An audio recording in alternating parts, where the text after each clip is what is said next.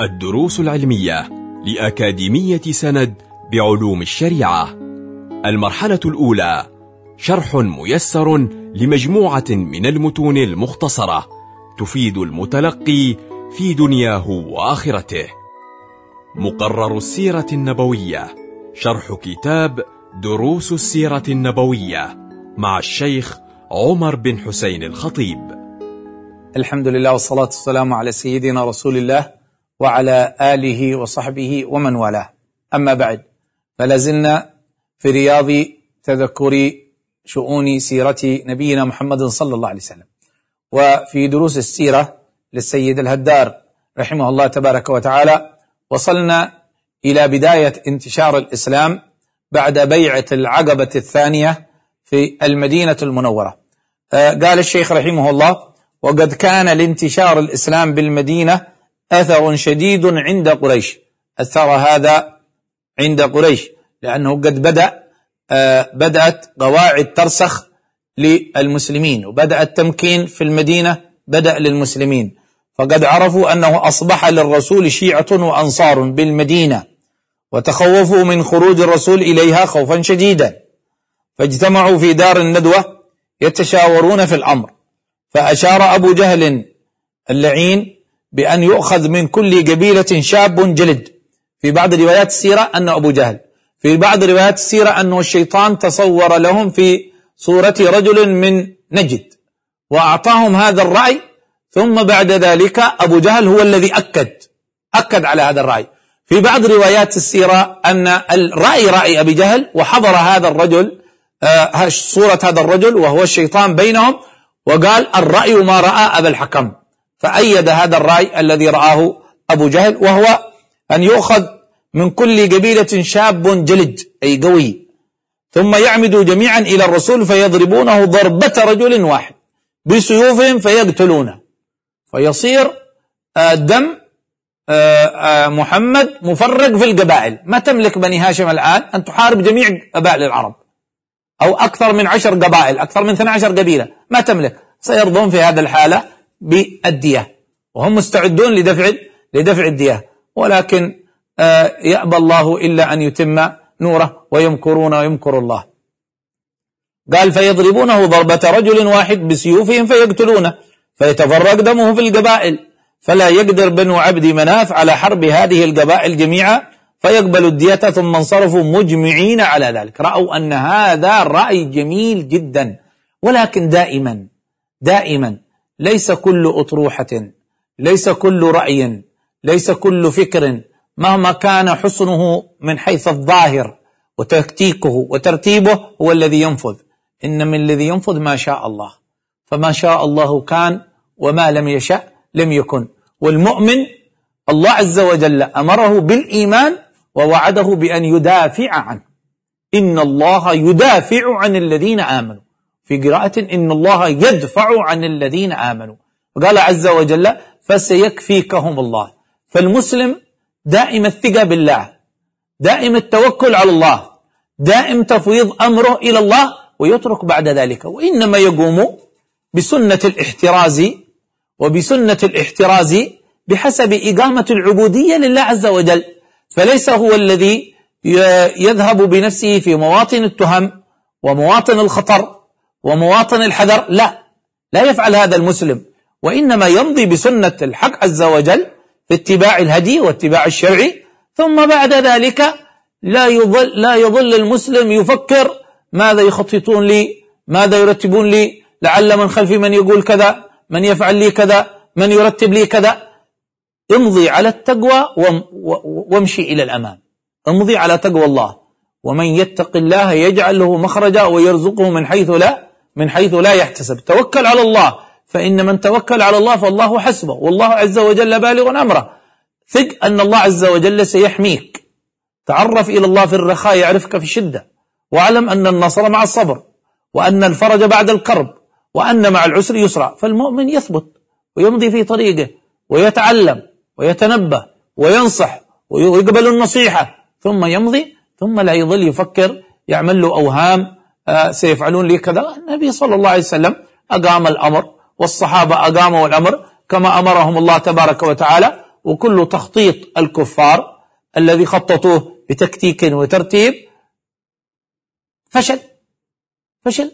سبحان الله. هذه إرادة الله تبارك وتعالى. وفي ذلك يقول الله تعالى وإذ يمكر بك الذين كفروا ليثبتوك أو يقتلوك أو يخرجوك ويمكرون ويمكر الله والله خير الماكرين. أما الرسول صلى الله عليه وسلم فقد أمر أصحابه بالهجرة إلى المدينة فخرجوا أرسالا. جماعة بعد جماعة عائلة بعد عائلة. كل ما حصل المجموعة حصلت فرصة وخرجت إلى إلى المدينة وأقام هو صلى الله عليه وسلم. ليس مثل حال كثير من الناس اليوم. أول ما يشعر بالخطر يشرد هو ويترك جنده ويترك أتباعه ويترك أشياعه يلقون كما يقول الناس يلقون مصيرهم. لا النبي صلى الله عليه وسلم دفع أول بأصحابه. وأكثر من بقي هو صلى الله عليه وسلم ومن كان من أهله. بناته صلى الله عليه وسلم وابن عمه وأخيه سيدنا علي بن سيدنا علي بن أبي طالب هذا بقوا بلا هم الذين بقوا بمكة. والصحابة أرسلهم صلى الله عليه وسلم أرسلهم إرسالا وأمرهم بالهجرة إلى المدينة لا إلى المدينة المنورة. وبقي هو صلى الله عليه وسلم ينتظر الإذن من الله عز وجل حتى جاءه الإذن. وسبحان الله جاءه الإذن من الله في اليوم الذي آه، رتب الكفار أن يقتلوه. ذلك أن الأمر بيد الله. والله عز وجل بكل شيء عليم. ألا يعلم من خلق وهو اللطيف الخبير؟ في نزل عليه جبريل وقال يا محمد إن الله يأمرك ألا تنام الليل في فراشك. هذا اليوم هو الذي رتب الكفار في مكة أن يقتلوه.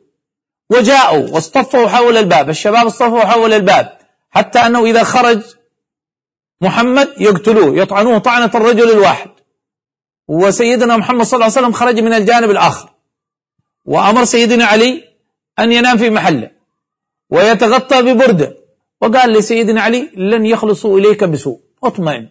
افعل هذا بس من باب إقامة الأسباب. ولم يخلصوا إليك بسوء. وخرج النبي من الباب ثم لف عندهم. فوجدهم نياء ألقى الله عليهم النعاس. هذا غلبة من الله عز وجل. ألقى الله عليهم النعاس. ما يقدر إنسان يدفع النوم.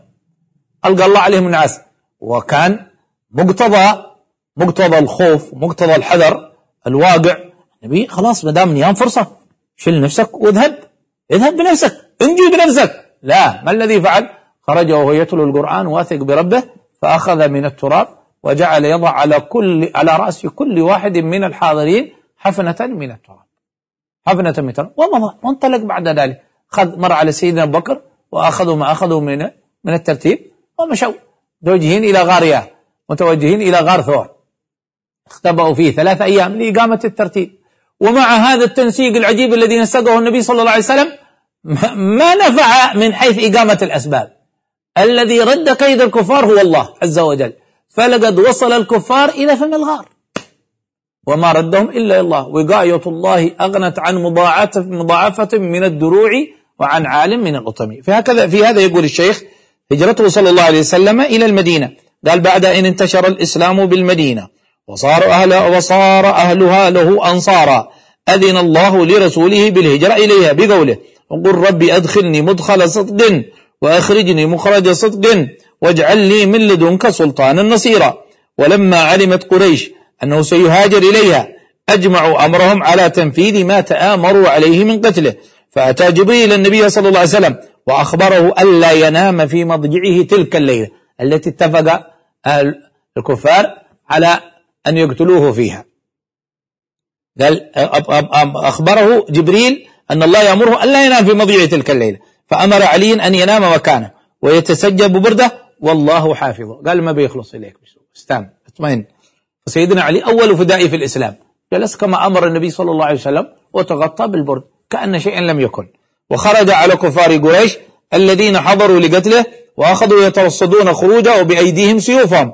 وفي يدهم حفنة وفي يده حفنة من تراب وهو يتلو صدر سورة ياسين إلى قوله تعالى فأغشيناهم فهم لا يبصرون.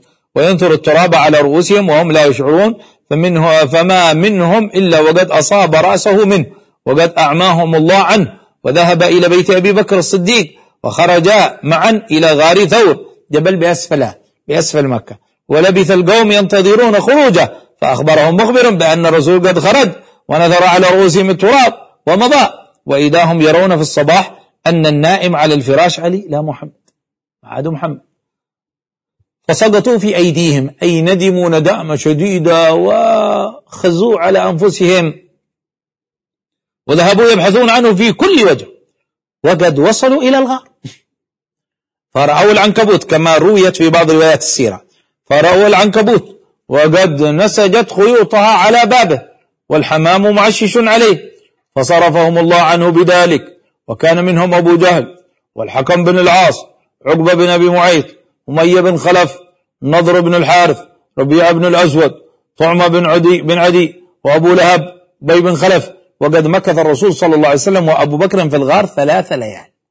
حتى حتى خمدت عنهما نار الطلب. خلاص يأسوا ثلاث أيام شافوا أنه ماشي فايدة ما حصلوه. فركب راحلتين, راحلتين لهما إلى المدينة وسارا تكلأهما رعاية الله. بعد هذه ثلاثة أيام وكان فيها من العبار كان فيها من الأحوال وخاصة عائلة سيدنا بكر الصديق الفداء لرسول الله والعمل والخدمة العجيبة جدا والتنسيق اتباع التنسيق الذي جابه النبي. كانت أسمى تأتي رسول الله صلى الله عليه وسلم بالطعام. كان محمد بن أبي بكر يأتي بعدها بالأغنام حتى يمحو حتى يمحو الآثار. سبحان الله يعني فداء عجيب جدا وخدمة للرسول صلى الله عليه وسلم. فحازت عائلة سيدنا أبي بكر الصديق خيرا عظيما كبيرا. ببركة الإسلام وببركة خدمتهم للنبي صلى الله عليه وسلم. ولذلك قال رسول الله صلى الله عليه وسلم إن أمن الناس علي في ديني أبو بكر الصديق رضي الله عنه وأرضاه فهنيئا له ونسأل الله عز وجل أن يجعلنا من أنصار هذا النبي ومن متبع هذا النبي ومن محب هذا النبي يجعلنا في ذلك في المقام العالي الراقي بمحض فضله وكرم وجوده في لطف وعافية. والحمد لله رب العالمين. كنتم مع الدروس العلمية لأكاديمية سند بعلوم الشريعة. يمكنكم متابعة جميع الدروس عبر موقع الأكاديمية وتطبيقاتها الإلكترونية. سند علم سلوك دعوة.